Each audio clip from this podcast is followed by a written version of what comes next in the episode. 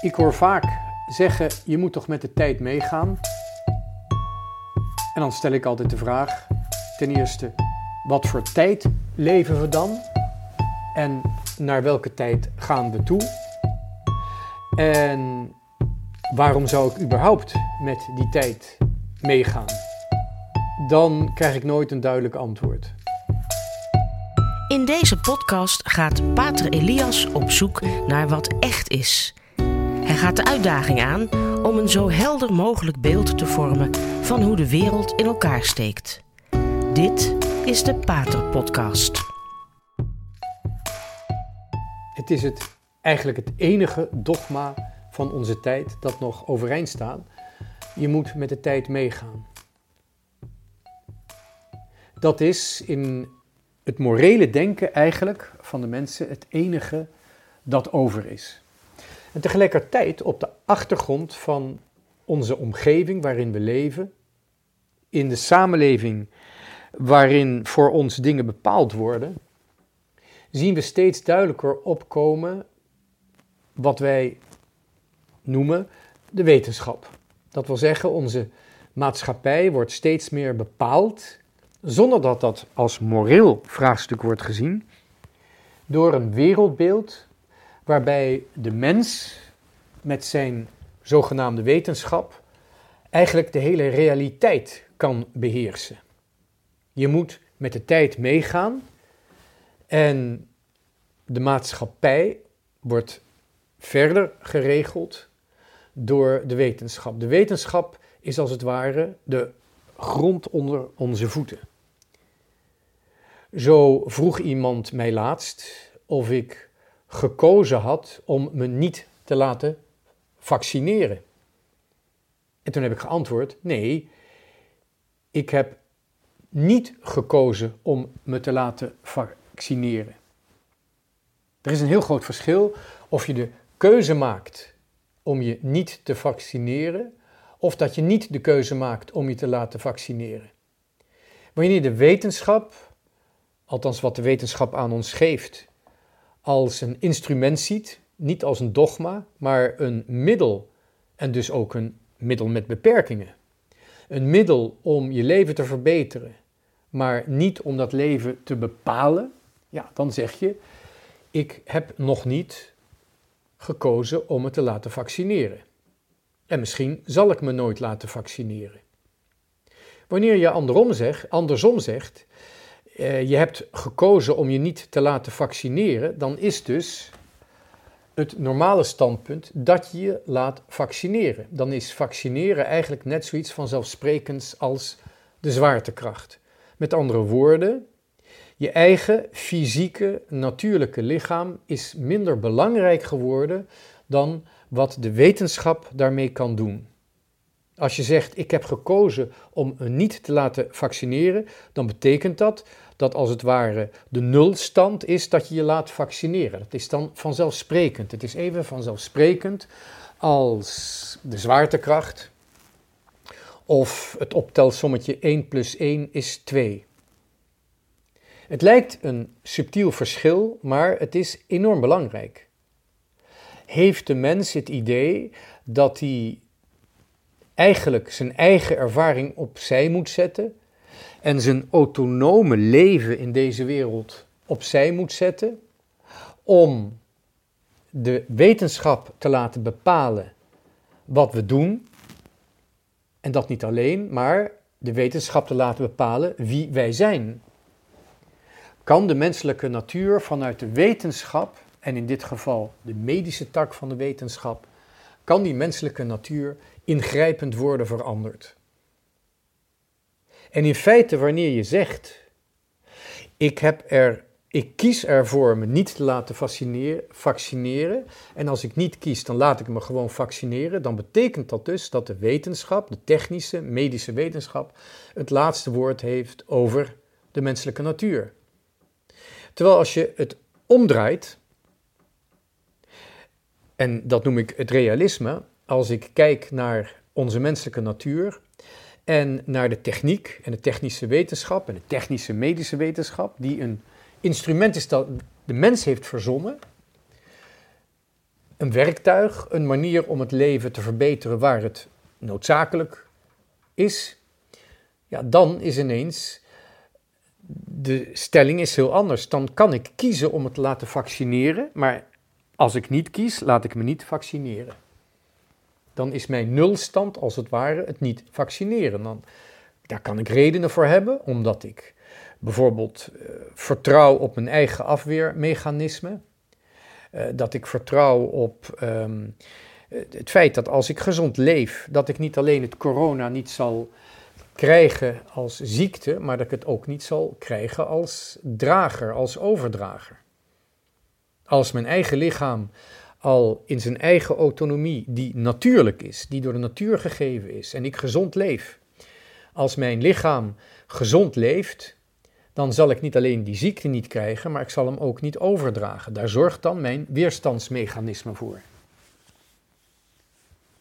En het is heel vreemd hoe we in deze maatschappij steeds meer dat zien, eigenlijk opgedrongen krijgen dat de wetenschap het laatste woord heeft over ons lichaam.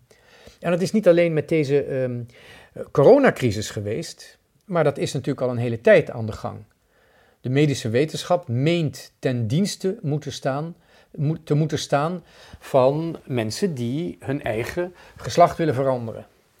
Die niet alleen om bepaalde redenen uh, wat aan de esthetiek van ons lichaam doet, maar die ook eigenlijk ons wil helpen om een identiteit na te zoeken die we denken te hebben. Op de een of andere manier, op de is de natuurlijke band van de mens tussen zijn lichaam is verstoord. Te veel mensen zijn niet meer tevreden in het lichaam wat ze hebben. Nou is het, dat moet ik wel zeggen, je moet nooit helemaal al te tevreden zijn met het lichaam wat je hebt. Niet alleen omdat je dan wat ijdel zou kunnen worden, maar ook omdat het heel goed is om gezond te blijven. Om je lichaam goed te verzorgen. En niet alleen omdat je er mooi uit wil zien of omdat je gezond wil blijven en geen ziektes wil krijgen, maar dat je ook gewoon in je communicatie met anderen uh, plezierig wilt overkomen. Je scheert je en je wast je omdat je uh, toch enigszins verzorgd eruit wil zien en daarmee laat zien omdat je wil communiceren met de ander. Als je niet wast, ga je stinken en dat is toch wel een gebrek aan openheid voor de ander, voor menselijk contact. Dus voor jezelf zorgen is niet alleen voor jezelf, maar het is ook voor anderen. En dat geldt ook voor ons afweersysteem. En het is heel vreemd, zoals de moderne wetenschap al jarenlang, voordat er overigens een vaccine, uh, dat er een COVID-crisis was, dat de medische wetenschap zich eigenlijk begon op te werpen als een soort van dogmatische kennis die gaat beslissen over wat de menselijke natuur is. Dat is geen complottheorie. Het staat zwart op wit, bijvoorbeeld in een autobiografie van Pierre Simon. Dat is een Franse chirurg die um, een boek heeft geschreven over zijn leven en over zijn ideeën. Hij was uh, grootmeester van de vrijmetselarij, niet zomaar een, uh, een voet, voetsoldaat, maar een hoge piet in de vrijmetselarij. En hij schrijft hoe de medische wetenschap eigenlijk het hele mensbeeld en het wereldbeeld moet gaan veranderen. En hij schrijft dan ook dat de abortus in Frankrijk is gelegaliseerd door de vrijmetselarij. Dat is hun politieke overwinning geweest. Eerst bepaalt de wetenschap wat de menselijke natuur is en vervolgens wordt de politiek het instrument van die medische wetenschap om daadwerkelijk die menselijke natuur te veranderen. Het boek is niet meer te verkrijgen, maar um, als u het wel heeft of al kent, dan zult u daar ongetwijfeld ook in heeft kunnen lezen hoe vrij openlijk wordt gesproken over de vrijmetselarij. Leden worden zogenaamde geïnitieerden genoemd, dat wil zeggen een kleine elite die weet hoe de vork in de steel zit. Die weet wat de esoterische waarheid is van waaruit de wereld moet worden veranderd. In feite zijn het esoterische denkbeelden. Het zijn geen waarheden, want objectieve waarheid bestaat niet. Nee, het zijn een soort van mystieke denkbeelden van waaruit de geïnitieerde, dat wil zeggen de elite, die zichzelf zo goed mogelijk uh, geheim houdt, de wereld zal veranderen en verbeteren naar eigen inzicht.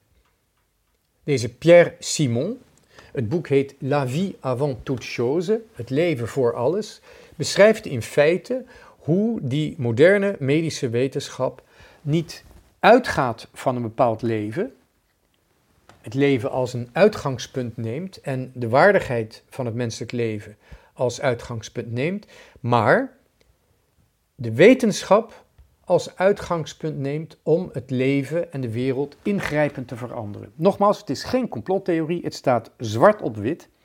En deze Pierre Simon, in het begin van deze eeuw overleven, claimt gewoon door het noemen van vele namen dat het de vrijmetselarij is geweest die de abortus in Frankrijk heeft gelegaliseerd. En hij beschrijft ook in het boek dat de volgende zet is de euthanasie. Wanneer ik een politicus, namelijk Hugo de Jonge, hoor zeggen dat hij geen enkel respect heeft voor mensen die zich niet willen laten vaccineren, dan vraag ik me af hoe het komt dat mensen deze man nog blijven accepteren. Als hij mij niet respecteert, omdat ik er niet voor kies om te vaccineren, om me te laten vaccineren, waarom zou ik dan respect voor hem moeten hebben? Dan is er een pure machtsverhouding zonder wederzijds respect. En of we nou in een koninkrijk leven, of een, een oligarchie, of een democratie, in wat voor staatsvorm dan ook, de overheid en de personen van de overheid zullen altijd het volk of het gepeupel, waar ik ook toe hoor, moeten respecteren, willen ze op het respect van het gepeupel en het volk kunnen regelen, rekenen. En is het uiterst merkwaardig dat eh, er helemaal dus geen sprake meer hoeft te zijn van respect. Zeker niet als het gaat om zeer belangrijke keuzes, namelijk degene die het menselijk lichaam betreffen. En de gezondheid niet alleen van het individu, maar ook van de gemeenschap. We gaan nog even erop terugkomen na de pauze, want er is met die dogmatische acceptatie van de wetenschap veel meer aan de hand dan wat we nu meemaken. Tot zo dadelijk na de pauze. Wanneer we kijken naar de grote totalitaire systemen van de laatste twee eeuwen, of eigenlijk iets langer dan de laatste twee eeuwen, namelijk vanaf de Franse Revolutie, dus zeg maar 230, 40 eh, jaar. De afgelopen 230 jaar lang hebben we een aantal revoluties meegemaakt die vanuit de pretentie dat ze de mensheid zouden bevrijden, uiteindelijk hebben geleid tot enorme bloedbaden en totalitaire systemen. Dat is echt al in de Franse Revolutie begonnen. De Fransen zijn tot nu toe de enige die nog niet willen erkennen dat ze uh, misschien iets fouts hebben gedaan met hun revolutie. En heb ik het niet over alle Fransen, ik wil niet generaliseren.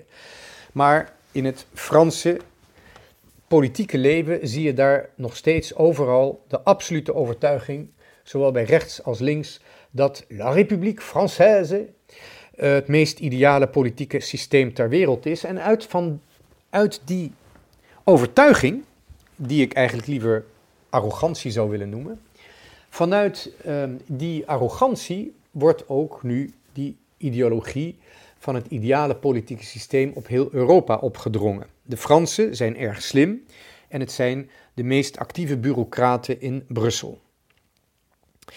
Vandaar dat zij ook af en toe behoorlijk kinderachtig hebben, kinderachtig hebben gereageerd op uh, het Britse referendum en de beslissing om uit de Europese Unie te stappen.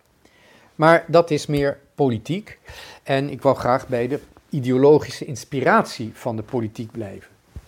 De laatste 2,5 eeuw hebben we dus al die totalitaire neigingen meegemaakt vanuit een ideologie. En wanneer we kijken naar die ideologieën, dan moeten we eigenlijk de bril afzetten waarmee wij vandaag de dag vaak naar de realiteit kijken, namelijk de emotionele bril. Wij leven in een tijd van het Hitlerfetischisme, dat wil zeggen het kwaad van dat in het centrum staat van alles wat slecht is, dat is Hitler. Je bent voor of tegen Hitler.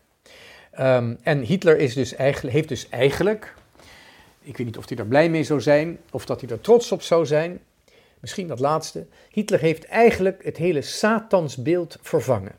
Satan is de bron van alle kwaad. Sorry, uh, Hitler is de bron van alle kwaad. En um, alles wat met Hitler te maken heeft of wat met Hitler wordt, um, in verband, met hem in verband wordt gebracht, dat is fascistisch. Nou heeft fascisme natuurlijk te maken met Hitler, maar fascisme is in strikte zin het um, nationalistische, ideologische uh, systeem van Mussolini in Italië. En Hitler heeft zonder meer zich daardoor laten inspireren.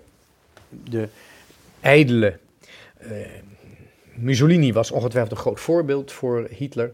Maar hij heeft toch echt een heel ander politiek systeem opgezet, namelijk het nationaal socialisme, oftewel het nazisme, het nationaal socialisme. En deze Hitler, je zou bijna medelijden met hem krijgen, krijgt ineens schuld van alle kwaad die in de wereld is. Links wil niet zien dat er ook nog mensen zijn geweest als Stalin, als Pol Pot, in Frankrijk opgeleid. Ik neem maar een andere, Enver Hoxha, ook in Frankrijk opgeleid. Of de absolute kampioen in massaslachtingen, Mao Zedong, die nog steeds er eh, rustig bij ligt in zijn mausoleum.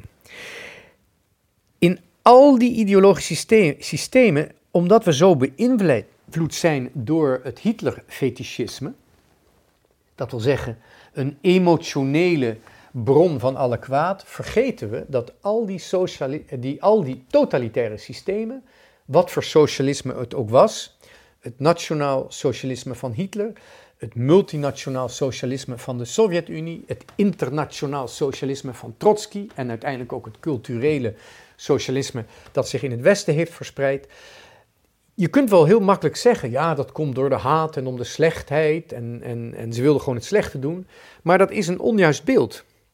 Al deze totalitaire systemen die kregen hun inspiratie vanuit een ideologie. Dat wil zeggen een aanbidding van de wetenschap. Iedere ideologie heeft zich gerechtvaardigd door zichzelf wetenschappelijk te verklaren. Noem maar, het nationaal socialisme is een combinatie van modern economisch denken, socialisme en Darwinisme. Het nationaal socialisme is een vreemd soort combinatie van de evolutieleer, toegepast op rassen, op volken en ook met gebruikmakend van de socialistische uh, leer waarin eigenlijk alle activiteiten min of meer, uh, alle economische activiteiten, minstens door de staat geregeld moeten worden, maar in ieder geval aan de staat, uh, de, ehm, de, staat moeten dienen. De staat, de nazistische partij staat boven alles. Het is een wetenschappelijke theorie, hoe absurd die ook is, maar ze werd verkondigd als wetenschap en werd ook door duizenden en miljoenen mensen gezien als een wetenschap. Dat geldt nog sterker voor het multinationaal socialisme en het internationaal socialisme van Marx, van Trotsky en uiteindelijk ook van Stalin. Het werd gezien als een wetenschappelijke theorie. En die, die, wetenschap brak ook verder alle morele barrières. Er konden niet alleen duizenden, mensen vermoord worden. Er konden miljoenen mensen vermoord worden, omdat dat nodig was voor een wetenschappelijk proces. Immers, Marx had bewezen hoe de toekomst eruit zou zien. Immers, de dialectiek van Hegel, en Hegel is de filosoof die eigenlijk aan Marx vooraf staat, die dialectiek van Hegel die rechtvaardigde een permanente revolutie. Het moest altijd stennis blijven. En daar kunnen de Chinezen van meepraten. Mao met zijn permanente revolutie, culturele revolutie, grote stap voorwaarts. Stalin kon er ook wat van. Toen er op een gegeven moment mensen elkaar begonnen op te uh, eten, toen ging daar de propaganda van de communistische partij overheen met de slogan: We zijn dronken door ons succes. We moeten een beetje rustig aandoen, want het gaat zo goed dat we een beetje dronken zijn geworden. Het zijn allemaal propagandische termen die geïnspireerd zijn door een wetenschappelijke theorie. En we mogen ook ehm, nog even uh, in herinnering brengen, als u het nog niet weet, maar Stalin, Jozef Djugashvili, Stalin ging hij zich noemen, soort van imitatie van Petrus, de man, de man van de rots, de man van staal, deze paus van het multinationale socialisme van de Sovjet-Unie, die heeft ook op het seminarie gezeten. En zou priester worden, dat was de bedoeling. En op het seminarie was hij al communist. Daar was men een beetje bezorgd over, want het communisme was op zich een atheïstische ideologie, maar dat was toen nog een bijzaak. Het ging Stalin om de bevrijding van Georgië, bevrijding uit het keizerrijk van de tsaren en om de rechtvaardigheid in de samenleving, het socialisme. Dat waren de oorspronkelijke uh, ja, ideeën van deze seminarist die steeds politiek actiever werd en steeds meer het machtsspelletje begon mee te spelen. Het is pas fout gegaan op het seminarie, niet doordat Stalin Marx las. Hij was vrij slim, hij was goed in talen, maar toen hij The Origin of Species van Darwin heeft gelezen. Het is de evolutie van Darwin die van Stalin een atheïst heeft gemaakt. Het is niet Karl Marx, het is Charles Darwin geweest. En ook hier zien we dan weer dat het idee dat de volledige schepping te verklaren is door die eeuwige verandering van de evolutie, dat dat ook hier weer uitermate belangrijk is geweest voor de vorming van een totalitair regime. Stalin was wat pragmatischer dan de dogmatische internationale socialisten en daarom is hij met een multinationaal socialisme gekomen, de Sovjet-Unie, die zich later ook heeft uitgebreid natuurlijk over Oost-Europa. Het is goed daarbij stil te staan dat totalitaire regimes die ontstaan niet uit haat. Ze gaan allereerst uit van een pseudo-wetenschap. En vervolgens maken ze gebruik, gebruik van de angst. De angst gaat vooraf aan de haat. En het vervelende is dat we dat precies ook vandaag zien. We zien een wetenschap die zichzelf ziet als absoluut als dogmatisch. Terwijl de wetenschap ook beperkingen heeft. Ze verklaart niet de hele realiteit en zal dus ook nooit de hele realiteit kunnen beheersen. Maar zo wordt ze wel door de mensen, voor veel mensen gezien en zo dringt ze zich ook steeds meer aan de mensen op. En we zijn dus bezig, stap voor stap, een totalitair systeem op te richten dat ongetwijfeld, net als alle anderen die zijn voor, vooraf zijn gegaan, of het nou de rationalistische uh, Franse revolutie is, of de Sovjet-Unie, of wat dan ook. En ook, laten we niet vergeten, het industriële totalitaire systeem, wat vooraf is gegaan aan de Eerste Wereldoorlog, wordt te weinig gezien, wordt te weinig onderzocht, maar we hebben die oorlog ook niet meegemaakt dat destructieve totalitaire liberalisme dat voorafgegaan is aan de Eerste Wereldoorlog, het gaat allemaal tragisch eindigen. En ik denk dat dat ook in ons geval vandaag de dag zo zal zijn. Omdat je de hele werkelijkheid niet kunt beheersen. En je begint met een namaak, of althans een pretentie van wetenschap. Vervolgens ga je de mensen bang maken en omdat ze bang zijn, gaan ze ook haten. Dus de haat is niet een oorsprong van een dictatuur. De haat is uiteindelijk het gevolg van een dictatuur. Dat is bij al die systemen zo gegaan. En je kunt die drie stappen, wetenschap, angst en haat, kun je in alle totalitaire systemen herkennen. Wat wij, moeten wij doen? Het belangrijkste is die wetenschap te relativeren. En dat kunnen we alleen maar door te ontdekken wat wetenschap oorspronkelijk was. Wetenschap gaat over onveranderlijke waarheden.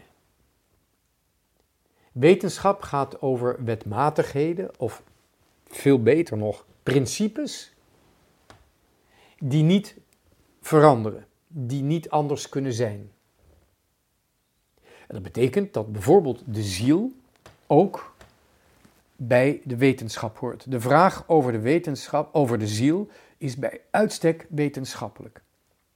De moderne technische wetenschap, die alleen maar materiële zaken wil meten, kwantitatief wil meten, is dan ook eigenlijk een wetenschap met oogkleppen op. Zolang ze niet de vraag stelt of de mens iets immaterieels in zich heeft. Oftewel iets onsterfelijks, iets onaanraakbaars, namelijk de ziel.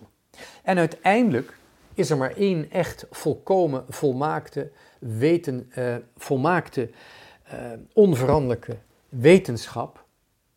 Namelijk de wetenschap die God heeft van zichzelf.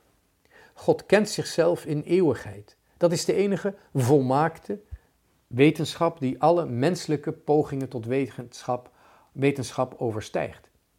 En wij kunnen met menselijke kennis inderdaad nadenken, gaan we nu niet doen, wordt wat te lang, over het bestaan van God. Bestaat God? Bestaat hij niet? Is er een God? Is er iets, een realiteit die we God noemen? Natuurlijk, ook het zoeken naar wetmatigheden in de natuur, dat is in feite ook het randgebied van een echte wetenschap. Alleen, we moeten daar wel heel goed het verschil blijven respecteren tussen het leven en het niet-leven. Levende lichaam en levensloze lichaam. En binnen dat leven moeten we dan ook nog het bezielde en het niet bezielde leven um, erkennen, onderscheiden. Wat is het om een dier te zijn met een onsterfelijke ziel? Wanneer die vragen niet gesteld worden, blijf je met oogkleppen oplopen.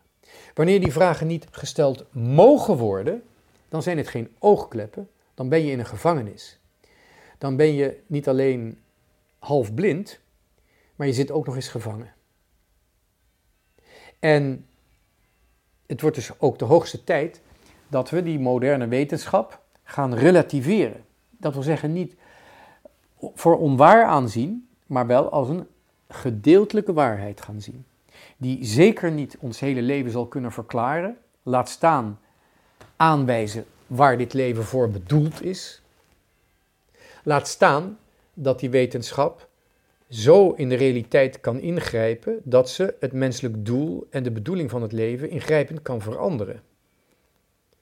Als de wetenschap die pretentie begint te hebben, moeten we haar al echt met alle kracht halt aan roepen. En het moeilijke vandaag de dag is dat er over die medische wetenschap een heleboel te zeggen is.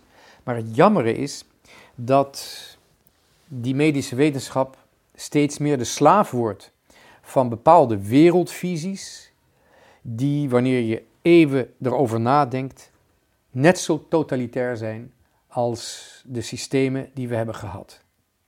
Er komt ongetwijfeld een hele moeilijke tijd waarin we moeten gaan kiezen. Ga ik me laten vaccineren omdat ik ook uit eten wil of ook naar een concert wil? Of ga ik het gewoon uitzitten? Ga ik er niet aan meedoen omdat ik ervoor niet omdat ik niet kies om het te laten vaccineren, en daar heb ik misschien hele goede redenen voor, en dan maar een paar jaar, ja, ik zou bijna zeggen onderduiken. In de oorlog zijn er ook mensen ondergedoken.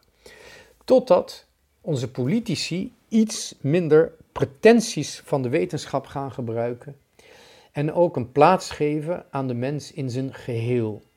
Niet alleen de mens die de wetenschap denkt te kunnen beheersen, maar ook de mens die gemaakt is voor iets hoger dan de materie, voor iets hoger dan deze wereld. Een mens die is vrijgemaakt door God om de eeuwigheid te raken. Om na aan het eind van het leven ingewijd te worden in de eeuwige wetenschap van wie God is. Om die weg te gaan, op weg naar dat eeuwige zien van God, die goddelijke wetenschap, hebben we heel veel wijsheid nodig. In deze tijd van bizarre politieke spelletjes en nog veel bizardere ideologische agenda's op de achtergrond, die overigens geen complot zijn, want ze zijn allemaal open en bloot uitgesproken en getoond. In deze bizarre toestand en ook wel bedreigende toestand zullen we heel veel wijsheid moeten hebben. Omdat wij uiteindelijk voor ons leven tegenover God verantwoording moeten afleggen. Daar moeten we mee beginnen. De verantwoording tegenover God opeisen bij alles wat ons wordt opgedrongen, bij alle keuzes die uit ons uit handen geslagen worden, moeten we blijven standhouden in, onze, in ons verlangen, niet zozeer om vrij te zijn, maar om onze vrijheid op een goede manier te gebruiken, om een verantwoordelijkheid tegenover God te dragen, om verantwoording af te leggen tegenover degene die ons geschapen heeft. Degene waar geen enkele moderne wetenschap bij kan, omdat die onmeetbaar is, omdat die immaterieel is, omdat die niet tijdig is, omdat die God is. Tot de volgende keer.